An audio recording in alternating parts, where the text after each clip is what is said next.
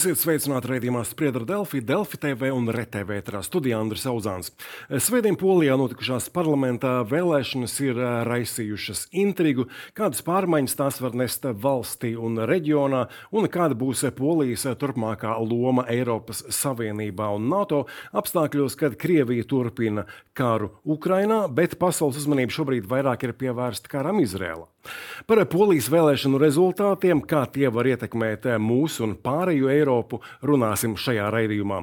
Šodien studijā Latvijas transatlantiskās organizācijas ģenerālsekretārs Sigita Strūbergs. Sveicināti! Labdien! Un politologs Andris Kudors. Labdien! Labdien. Uh, šoreiz bija rekordliela mm, vēlētāja aktivitāte, kas sasniegusi nu, faktiski gandrīz 73%. Tā bijusi augstākā kopš 1989. gada. Uh, kā jūs, prāt, bija iespējams panākt tādu uh, neticamu, nu, no Latvijas viedokļa skatoties, pat apskaužamu vēlētāju aktivitāti? Šis ir tas gadījums, kad sašķeltā sabiedrība, polijas sabiedrība, bet šī sašķeltība veicināja to, ka abas puses gribēja nu, panākt savu, lai, lai viņu pārstāvi parlamentā uzvarētu.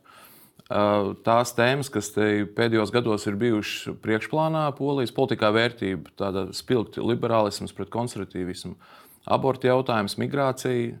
Tas veicināja. Vēl viens faktors ir tas, ka Eh, par eh, polijas liberāļiem, par Tusku balso pilsētu iedzīvotāju pārsvarā. Un mēs skatāmies demogrāfijas rādītājus, 60% tas urbanizācijas procents Polijā ir aptuveni 60%. Tātad lielākā daļa iedzīvotāju jau dzīvo pilsētās. Lielajās, lielo pilsētu jaunieši bija tie arī, kas lielā mērā varbūt izšķīra šoreiz šo eh, nosvēršanos par labi liberālai idejai. Kā jums šķiet, kāpēc tik ļoti liela aktivitāte? Jā, nu, te man ir jāpiekrīt kolēģim. Tiešām pusēm bija skaidrs, ka ir nepieciešams mobilizēt savu vēlētāju, jo tā bija būtiska izšķiršanās. Un šajā gadījumā jautājums tiešām bija drīzāk nu, teiksim, par to liberālo spārnu, kas tiešām parasti vairāk dzīvo pilsētās. Tie ir jauni cilvēki, plus vēl bez tā, ka tiešām jauno cilvēku aktivitāte ir bijusi liela vēlēšanās, tāpēc mēs redzam labākus rezultātus liberālajam flangam. Ja? Bet vēl arī tas, kas ir ienā, nu, teiksim, ienācis jauns salīdzinot ar 19. un 15. gada vēlēšanām, kā arī sievietes, ņemot vērā tās izmaiņas, kas ir notikušas pēdējos gados, ir aktivizējušās un vēlējušas par labu liberālajam spārnam. Nu, un savukārt konservatīvajam spārnam, nu, tur mēs redzam, ka valdīja pozīcijas partija izmantojot valdības resursus, daudz strādāja arī pie savējo mobilizēšanas. Jā, tā skaitā tie bija lauku iedzīvotāji, fermeri un tam līdzīgi. Jā, mēs redzējām, ka, ka tā kampaņa bija, bija aktīvi vērsta uz to, lai, un, un tie pamatvēstījumi bija, ka ir nepieciešams mobilizēties, lai uh, iegūtu nepieciešamās pozīcijas? Mēs kādus poļu trikus arī savās vēlēšanās varbūt varam izmantot uh, turpmāk, lai kāpinātu vēlētāju aktivitāti. Es ļoti ceru, ka mums uh, nebūs uh, nepieciešams uh, izmantot uh, tos trikus, ko izmantoja liberālais spārns. Tā bija būtībā cīņa ar nu, teiksim, būtiskiem ierobežojumiem gan komunikācijā, priekšvēlēšana kampaņas laikā bija jādomā inovācijas, lai vispār tiktu vēlētāji sadzirdēti un tam līdzīgi. Tāpēc man liekas, ka Polija nav īsti tas labākais piemērs, no kā skatīties tos vēlēšanu trikus. Ja? Kā jums šķiet, ir labs piemērs? Nu, tur bija pikniku kampaņa, un jā, tad liberālā puse pārmet konservatīviem administratīvā resursu izmantošanu arī par mēdījiem. Tā kritika ir par to, ka pašreizējā valdība ir pārāk, nu, tur liberāli lieto vārdu propaganda, ir propagandējuši savas vērtības caur, caur valsts finansētiem mēdījiem. Bet es, es tik strikti nenostātos. Es esmu par to, ka ir mēdīja brīvība, bet Latvijas konservatīvie nejūtas, piemēram, ka sabiedriskais mēdījis viņus piektiekam pārstāv. Liela daļa Latvijas iedzīvotāji ir konservatīvi noskaņot, un Latvijas pirmais kanāls LSM lielā mērā atskaņo ļoti liberālas idejas. Tad tas arī atbalsts ir vienai, divām partijām. Te ir tā, ka liberālais burbulis īsti nezina, kas notiek konservatīvā burbulī. Tā komunikācija nav pietiekama, manuprāt. Es ieskatos abos, un es redzu, ka ir neapmierinātība. Nu, Polijas gadījumā tad liberāļi neapmierināti, Latvijas gadījumā daudz konservatīvie neapmierināti par to, kā šeit Latvijas televīzija strādā. Un... Bet, tas ir mazliet cits temats. Jā. Tomēr es gribētu pasvītrot, ka ir būtiska atšķirība, jo šeit nebija tikai teiksim, bažas, kas nāca no opozīcijas puses, no liberālās pārnes puses. Arī Eiropas Savienība izteica bažas, arī dažādas mediju intereses, starptautiski pārstāvošas organizācijas norādīja uz to, ka sabiedriskais mēdījis tiek izmantots vienas partijas interesēs. Un te gluži tas nav uh, salīdzināms ar Latvijas situāciju. Ja? Nu, tur ir paveicies, ka Briseles vēja arī ir liberāla. Līdz ar to, protams, ka Briseles kritika nebūs tik daudz par to, ja būs liberālajie strāvojumi, kā Latvijā, piemēram. Uh, Kudara kungs jau pieminēja, varbūt arī mazliet plašāk parunāsim par to, tad, kādi bija šo vēlēšanu galvenie temati, jautājumi un par ko vai pret ko bija šīs vēlēšanas. Pirmais lielais jautājums, protams, bija teiksim, tas, ar ko nāca liberālais spārns, bija likuma vara. Un, un, un, un, un patiesībā, paskatoties exit polus, jā, arī cilvēki atskaņo pirmais lielais jautājums, par ko ir balsojuši, ir likuma varas jautājums. Uh, Otrs ir uh, līdztiesības un sieviešu tiesību jautājums.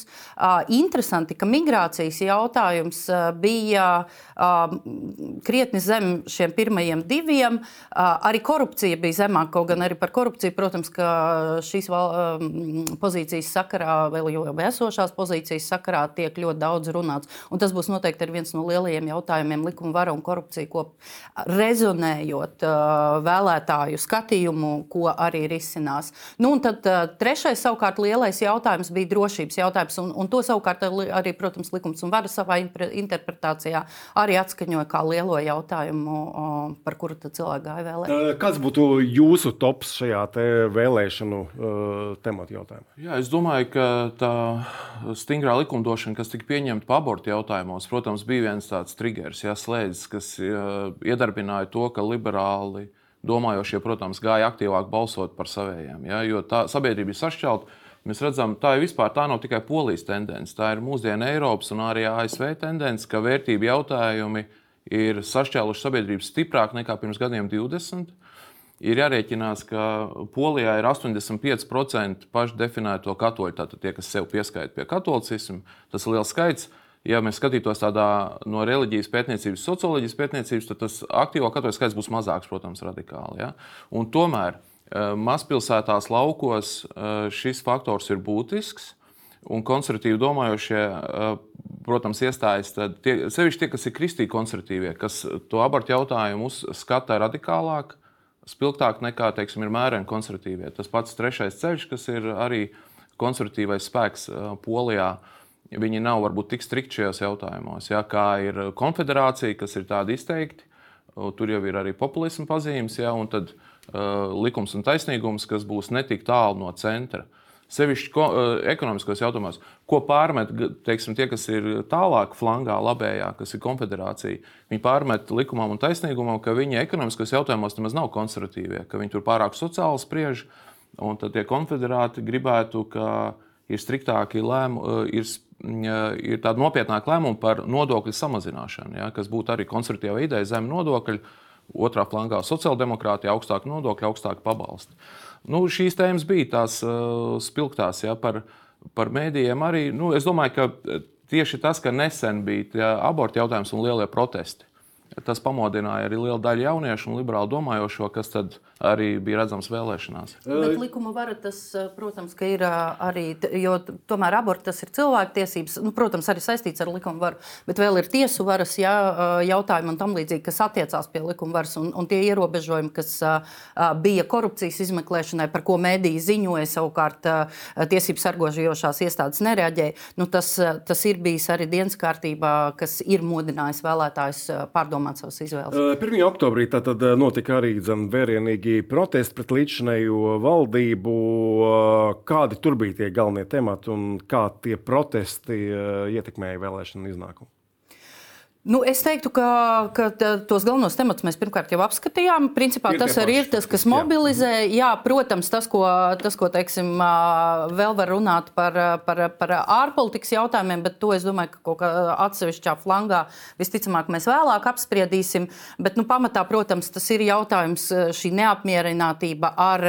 Um, Es pat neteiktu, ka tīri konservatīvo, bet nu, tad, lielā mērā pret, jo konservatīvs nevienmēr nozīmē pret likumu varojošs, vai ne? Protams, protams. Un, un te ir tā atšķirība, ka šeit tomēr bez konservatīvā kursa vēl bija tas, kas gāja pret likuma varu, pret cilvēktiesībām un tā tālāk.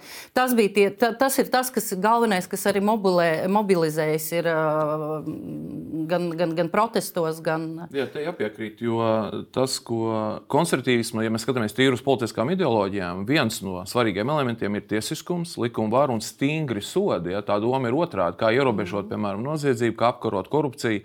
Kad mēs skatāmies konkrētās partijas Eiropā, tad eh, nevienmēr jau mm, viņas īsteno tādu eh, vadās pēc tās politiskās ideoloģijas uzstādījumiem, ko mēs lasām lekcijās, ja, ko mēs lasām, kas ir eh, klasika.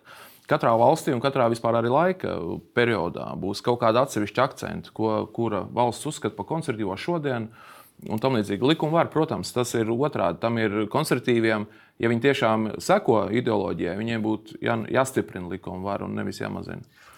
Uz ekrāna šobrīd varam paskatīties, ka šo vēlēšanu ietvaros notika arī četri referendumi. Šeit ir angļu valodā tulkojums šo referendumu jautājumiem. Kāda bija šo referendumu nozīme šo vēlēšanu stāstā?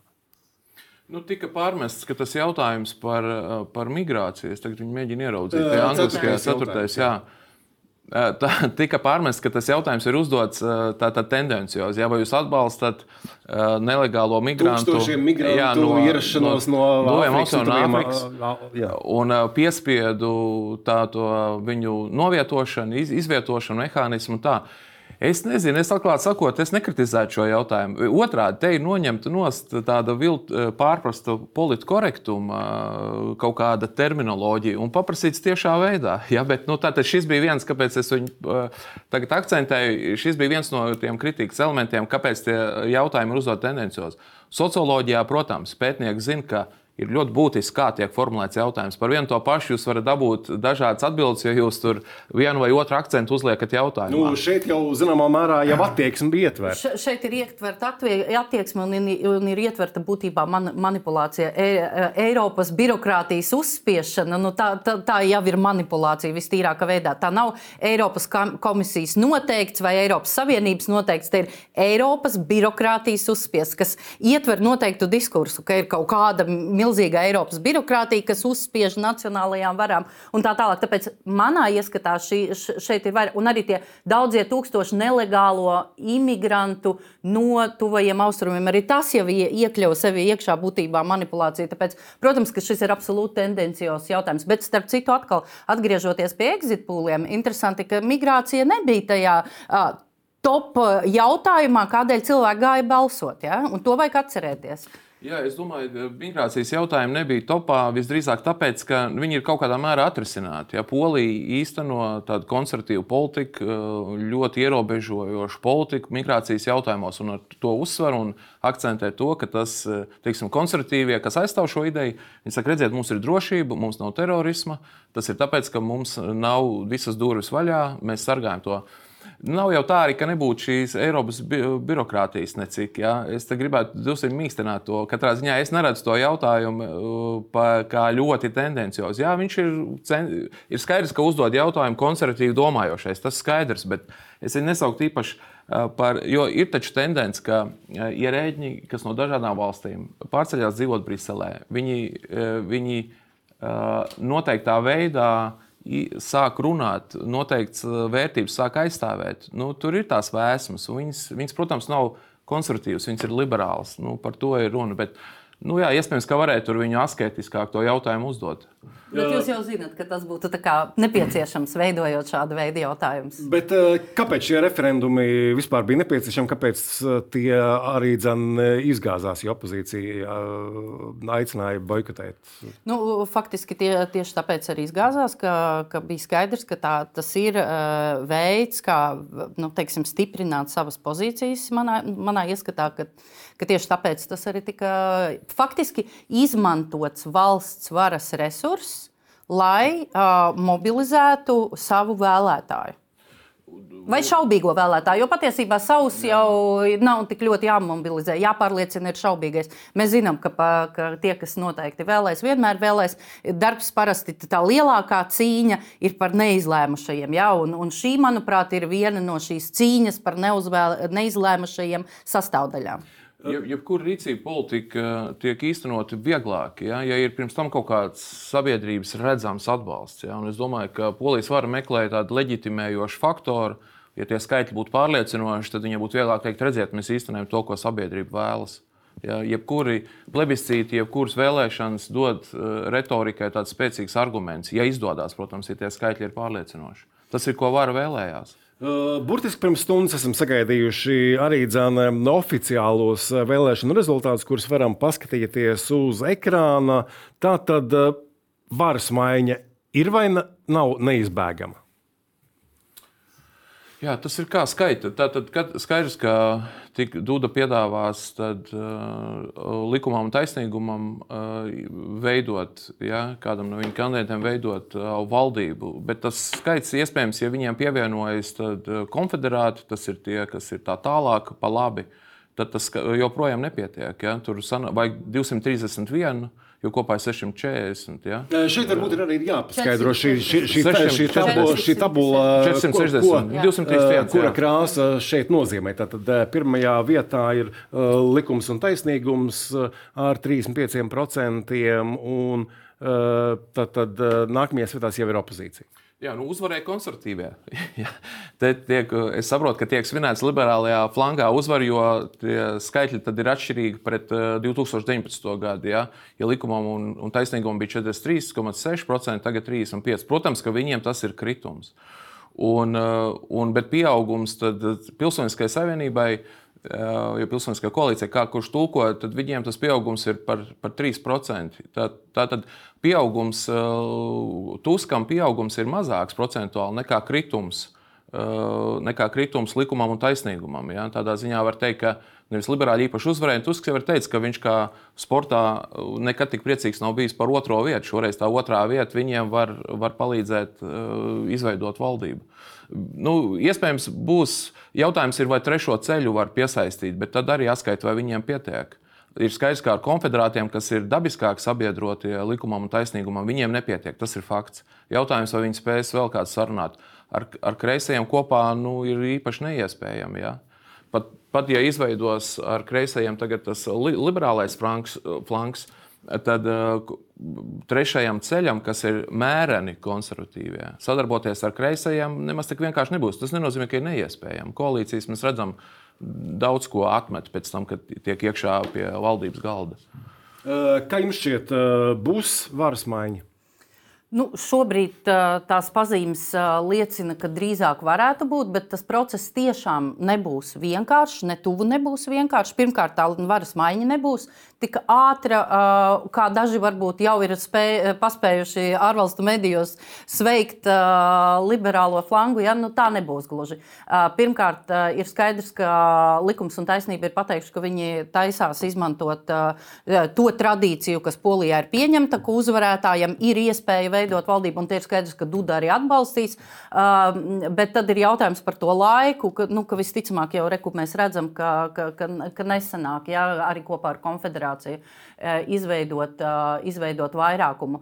Cits jautājums ir, ka tiešām, pat ja mēs paņemam tās eh, trīs partijas, kas, kas šobrīd tiek skatīts, kā, kā pēc, nu, nezinu, pēc uz decembri, kas varētu izveidot valdību, pirmkārt, ir iekšējās savstarpējās atšķirības viedokļos, par ko Kudora kungs minēja. Plus vēl ir tas, ka es jau aizsteidzos uz priekšu, bet patiesībā Duda, kas paliek amatā līdz 25. gadam, arī tas neveidos to vieglo ceļu šai iespējamai jaunai valdībai. Tāpēc te būs ļoti daudz izaicinājumu. Pa, pirmkārt, tas nebūs tik drīz, visticamāk, ka to valdību izveidos. Otrkārt, tas nebūs tik vienkārši, kā varētu likties. Un tās izmaiņas nebūs tik lielas. Kā jums šķiet, ja līdzinājā opozīcija nonāk pie varas, vai ir gaidāms straujas pārmaiņas un kurās jomās? Tas pats abortu tēma minētā. Ja? Tad, nu, kopumā komunikācija ar Briselu mainīsies. Viņa no šīs konfrontējošās pārvērtīsies par daudz draudzīgāku. Ja? Polijas un, un uh, Eiropas Savienības institūciju komunikāciju. Iekšēji nu, jāskatās, vai, vai nodokļi kaut kā tematika varētu tikt pacelt, uh, bet to es tik droši neteiktu. Es domāju, šī sociālajie jautājumi būs tie spilgtākie. Ja? Nu, jā, par, par mēdījiem. Es domāju, tie mēdīji kas gribētu citus vēstījumus, un tā sabiedrības daļa, kas gribētu liberālākus vēstījumus. Es domāju, tā mēdīju gaisotne valsts finansētos mēdījos mainīsies, protams. Jā. Es teiktu, ka bez šī vēl, vēl tas, ko varēs darīt, tas būs tas izpildvaras uh, iespēju ierobežojums. Uh, ir jāņem vērā, ka tas nozīmēs, ka Visticamāk, būs vairāk cīņu par iecelšanu amatos dažādās valdēs, tā skaistā valsts uzņēmumos un, un citos ar valsts saistītos institūtos. Nākošais, tas, kas mainīsies, uz ko liek cerības visai lielas, arī, arī tā skaitā Eiropas Savienībā, mainīsies izpildvaras forma, kā tā sadarbojas ar tiesību sargājošām iestādēm. Un, kas attiecās uz ārpolitisko dimensiju, tad es teiktu, ka tur no vienas puses tiešām, kā Kudora kungs saka, būs konstruktīvāks dialogs, bet atkal Dudas faktors, protams, ka ietekmēs arī tālāko attiecību veidošanu ar, ar Eiropas Savienību, jo prezidenta akcepts jebkurā gadījumā ir vajadzīgs. Nu, piemēram, ir tā diskusija par, par to naudu, ko Eiropas Savienība ir nobloķējusi Polijai. Ja? Tad tur tomēr arī Dudas iesaiste būs vajadzīga, lai to, lai to naudu dabūtu. Tas nav tā, ka Tusks rītā varētu aizbraukt uz Briseli un visu sarunāt. Tas nav tik vienkārši. Kas attiecās uz NATO, tad te ir jāsaka, ka, ka šis liberālais flanks ir pat pateicis, ka tie iepirkumus viņi turpinās, kā, kā ir likums un taisnība uzsākuši, lai stiprinātu drošību, jo drošība ir būtisks jautājums. Bet tajā pašā laikā tas lielais izaicinājums, ar ko, ko sastapsies šī jaunā valdība, būs kā samaksāt rēķinus par, par šiem visiem lielajiem iepirkumiem. Un te ir jāsaka, ka tas nebūs vienkārši. Un tāpēc es domāju, ka arī ar e ekonomiku, lai arī mēs redzam tādu optimismu arī biržās, tūlīt pēc vēlēšanām, ekonomiski tas būs izaicinoši. Polijai pievērst lielu uzmanību starptautiski arī Eiropas parlamentu nākošajām vēlēšanām dēļ, jo ir iespējams, ka Fidesz tad pāriet, ja es pareizi saprotu, pie konservatīviem tajās grupās, kas ir Eiropas parlamentā. Viņi bija pie, visu laiku bija pie, pie tautas partijas grupas. Uh, kur viņi īpaši neiederējās, ja, jo tā viņu Orbāna politika bija ļoti atšķirīga. Līdz ar to, ja, ja tur būs gan po, poļiem, tātad likumam un taisnīgumam, Eiropas parlamentā prognozēja lielāku skaitu nekā tagad ir, un ja viņi ir joprojām pie tiem konservatīvajā grupā, tas konservatīvais flanks Eiropas parlamentā varētu palikt spēcīgāks ja, iepretim diviem, kas joprojām ir stiprākie, tad sociāldemokrāti un, un uh, Tautas partijas grupa. Par ārpolitiku, ja veidos likums un taisnīgumu kopā ar konfederātiem, ja, tad jautājums, cik tie konfederāti, kas ir kritiski pret polijas palīdzību Ukraiņai, negatīvi noskaņot lielā mērā, ne tādā absolūtā un tomēr. Ja viņi ir jāpaņem, ja tātad, ja pašreizējā valdība, nevis nu, pašreizējā valdība, bet pašreizējais politiskais spēks turpina valdīt, uh, Tad jautājums, vai tas neietekmēs tomēr šo polijas palīdzību Ukraiņai, ja, uz ko mēs negribētu. Mēs, protams, vēlamies te Baltijā, lai, lai Polija turpina būt tas ārkārtīgi svarīgais partneris Ukraiņiem aizsardzības karā pret agresoru. Jā, atcerēsimies, ka pirms vēlēšanām sašķobījās Polijas un Ukraiņas attiecības. Bija izteikumi, ka Polija vairs nepiegādās ieročus Ukraiņai. Šie izteikumi gan tika vērtēti kā priekšvēlēšana retorika, kā jums šķiet, Polija turpinās atbalstīt Ukrainu vienā vai otrā valdības izveidošanas gadījumā. Te, te ir jāņem vērā viena svarīga lieta, kas attiecas ne tikai po uz Poliju, bet arī uz Baltijas valstīm. gandrīz viss, ko gan Polija, gan mēs esam varējuši atdot, jau ir atdots Ukrainai. Līdz ar to, un arī tie, kas pirmsvēlēšana laikā teica, ka pārstās Ukrainai kaut ko dot no Polijas, ļoti labi apzinās, ka faktiski tā, tā, tās iespējas ir gan izsmeltas. Tas, ko mēs nedzirdējām priekšvēlēšanu retorikā, ka Polija varētu apturēt piegādes no citām valstīm, kas iet caur polijas teritoriju. Līdz ar to, uh, kas ir labās ziņas Ukrainai, ja? līdz ar to es būtu diezgan uzmanīga vērtēt uh, to, ka, ka likums un taisnība noteikti pilnīgi visu apturēs, ja nokļūs pie varas vai nokļūs pie varas kopā ar konservatīvajiem. Um, konfederāciju, piedodiet.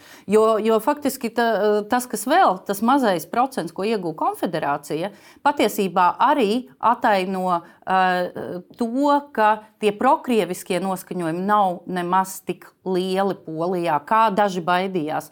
Tāpēc es domāju, ka tas eh, atbalsts Ukraiņai turpināsies. Tam var tikai piekrist. Strateģiski es neredzu izmaiņas. Ja? Ne pie viena, ne pie otra varianta, kas būs pie varas. Strateģiski Polijas eh, drošības politikas.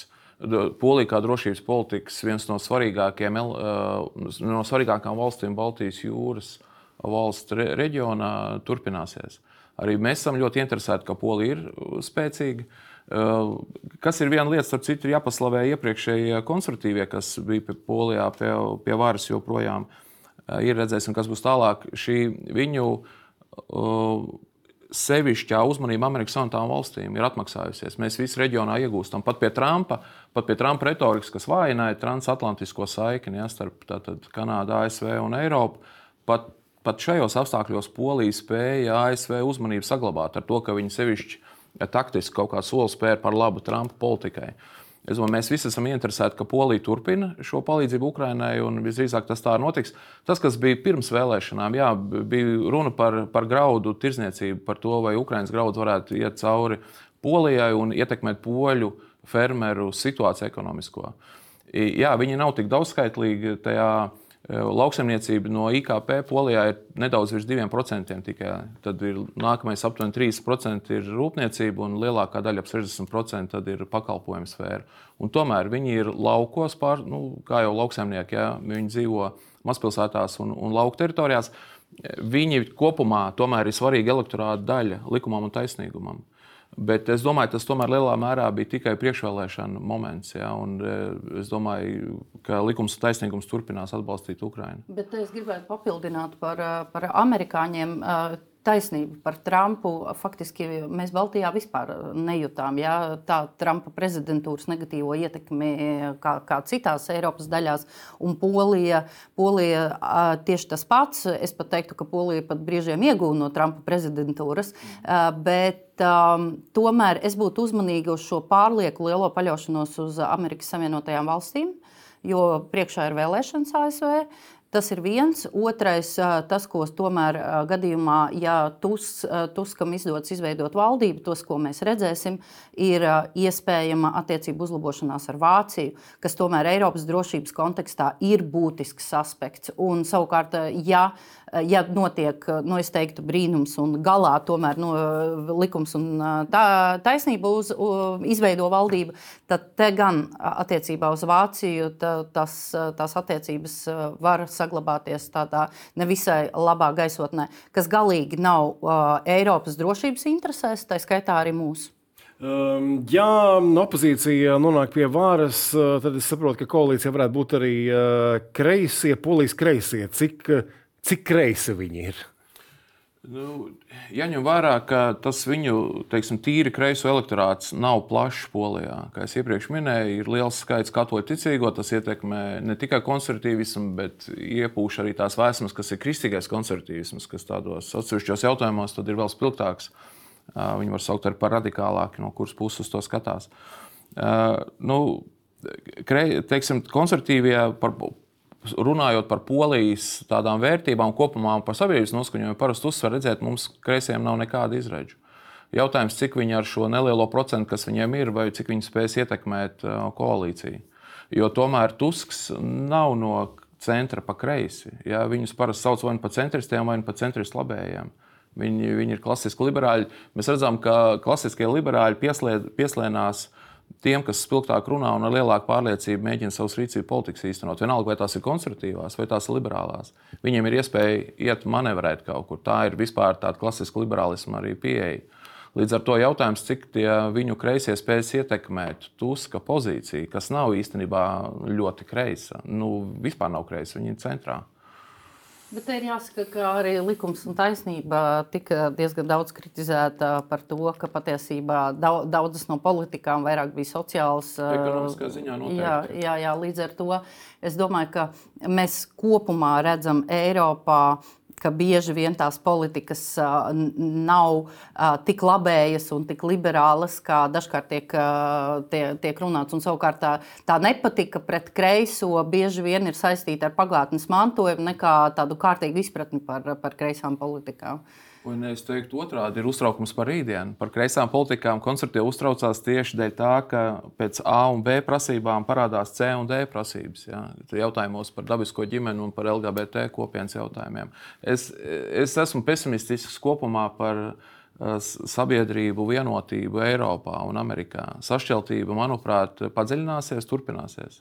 Um, vēl uh, būtisks jautājums ir uh, šie migrācijas jautājumi. Tad Polija ir diezgan pamatīgu žogu uzbūvējusi uz robežas ar Baltkrieviju. Mm, opozīcija te kaut ko migrācijas politikā var mainīt vai nevar? Ja tā nokļūst pie varas. Nu, ja viņi sekos tādai nu, iepriekšējai inercei, kā Eiropas liberāļi un kreisie ir sprieduši par migrāciju, tad tur ir vairāk šī welcome politika bijusi laipni lūdzama. E, bet es šaubos, vai tomēr jāņem vērā katras valsts konkrētā situācija. Es nedomāju arī, ka teiksim, Tuska politiskais spēks būs ļoti interesēts, ka tās durvis ļoti plaši atverās. Es domāju, ka Polijas kopumā tas uzstādījums ir tāds, ka viņa Pie tam viņi demogrāfiski, nu, labi, viņiem nav īpaši labi dzimstības rādītāji, bet nu, viņi ir liela valsts. Jā, tas ir tomēr tas, tas dod kaut kāds manevriem iespējas. Viņi ir uh, iedzīvotāju skaitziņā, ja nemaldos, piektā valsts jā, Eiropā. Ekonomikas lieluma ziņā, laikam, sestā valsts. Nu, uh, Es, es nedomāju, ka tur būs spilgts izmaiņas, pat ja būs teiksim, liberāļi pie varas. Nē, nē, noteikti, noteikti nebūs. Vismaz manā ieskatā jāpiekrīt, ka, ka nebūs. Jo viens ir tas, ko es iepriekš minēju, ka pirmkārt tas pieprasījums sabiedrībā nav tik liels pēc nozīmīgām izmaiņām. Līdz ar to tie pirmie, pirmie soļi, kas, ko Tuska valdība darīs, nebūs saistīti ar to, ko sabiedrība nepieprasa. Tas ir viens. Otrais ir jāatcerās, ka Tusks tomēr ir tāds politiķis, kas ir ilgstoši bijis politiskajā vidē, tāds ter, mūsu terminoloģijā runājot, izteikts politiskais dzīvnieks. Uh, kurš reaģēs uz situāciju arī Eiropā. Un te mēs redzam, tā pašā Vācijā, ja, ka partijas, kas iepriekš bija par vairāk atvērtu politiku š, attiecībā uz uh, migrantiem, šobrīd maina šo attieksmi, zi, domājot par uh, vēlēšanām nākošajām. Un līdz ar to arī Tusks pieskaņosies šim Eiropas noskaņojumam. Un te nav pamata domāt, ka, ka, ka, ka, ka, ka viņš varētu veidot kaut kādas krasas izmaiņas politikā. Tam nav, ne, tam nav nepieciešamības, nav argumentu, kāpēc viņš to darītu. Turklāt mainās mainās arī Rietumēropas valstīs, kas iepriekš bijušas labvēlīgākas pret migrāciju, kā Vācija un Francija. Mm. Lielbritānijā ar Brexit izmaina to arī gaisotni par, par migrācijas jautājumiem. Tas es piekrītu. Jā. Tur arī kopumā Eiropā jau mainās tā nostāja. Ir redzams, ka sekas nav viegli integrēt. Vēl vienu jautājumu gribēju noslēgumā pavisam īsi izrunāt. Jūs jau pieminējāt, un uz ekrāna arī to varam paskatīties, ka vēlēšana iznākums esot pozitīvi ietekmējis arī polijas uzņēmumu akciju kursus. Īsais skaidrojums, kāpēc tā varētu būt? Jā, akciju kurs. Nu, Tātad tie, kas vērtē, tie, kas vērtē ekonomiskos procesus, spriež, ka nu, būs stabilitāte. Jā. Es, es arī neredzu, te nav liela revolūcija notikusi. Jā. Mēs skatāmies, ASV vispār var pāriet no liberāļiem pie konservatīviem, no konservatīviem pie liberāļiem. Republikāņi un demokrāti cīnās un mainās var. Es te neredzu tik lielu revolūciju. Es domāju, protams, ir gavils tajā liberālajā flangā. Bet kopumā, joprojām, ja skatāmies atsevišķu partiju, vienai partijai ir neticami uh, liels vēlētāju skaits. Jā nu, es domāju par likumu taisnīgumu. Vieni paši viņi jau ir nozīmīgs spēks. Nu, tie, kas saka, uzvarēja demokrātija, nu, demokrātija Polijā uzvarēja arī tad, kad likums un taisnīgums tika ievēlēts. Jā, un joprojām viņi uzvar. Nu, ir, ir, protams, nianses, par ko var runāt, jā, par mēdījiem un administratīvo resursu. Bet es domāju, ka Polija vispār ir stabils spēlētājs. Viņa ekonomika ir stabila kopumā. Covid krīzes laikā, vēl pirms tam, 2008. un 2009. gadā, Polija īpaši necieta no globālās ekonomiskās krīzes. Viņi spēja absorbēt situāciju. Mēs šeit cietām radikāli toreiz vairāk nekā Polija. Dažos vārdos jūsu skaidrojums. Jā. Tātad, pirmkārt, man jāsaka, ka ilgtermiņā jāskatās, vai tas optimisms tirgos saglabāsies, tāpēc, ka tā ir pirmā reakcija.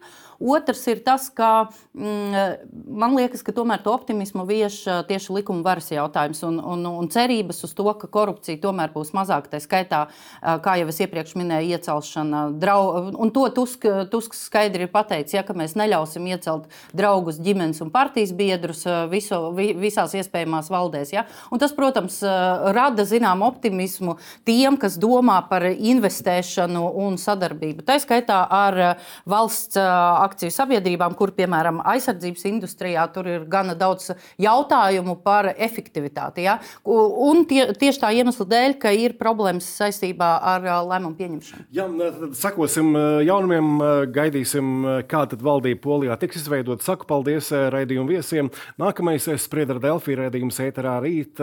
Šodien paldies, ka skatījāties uz tikšanos!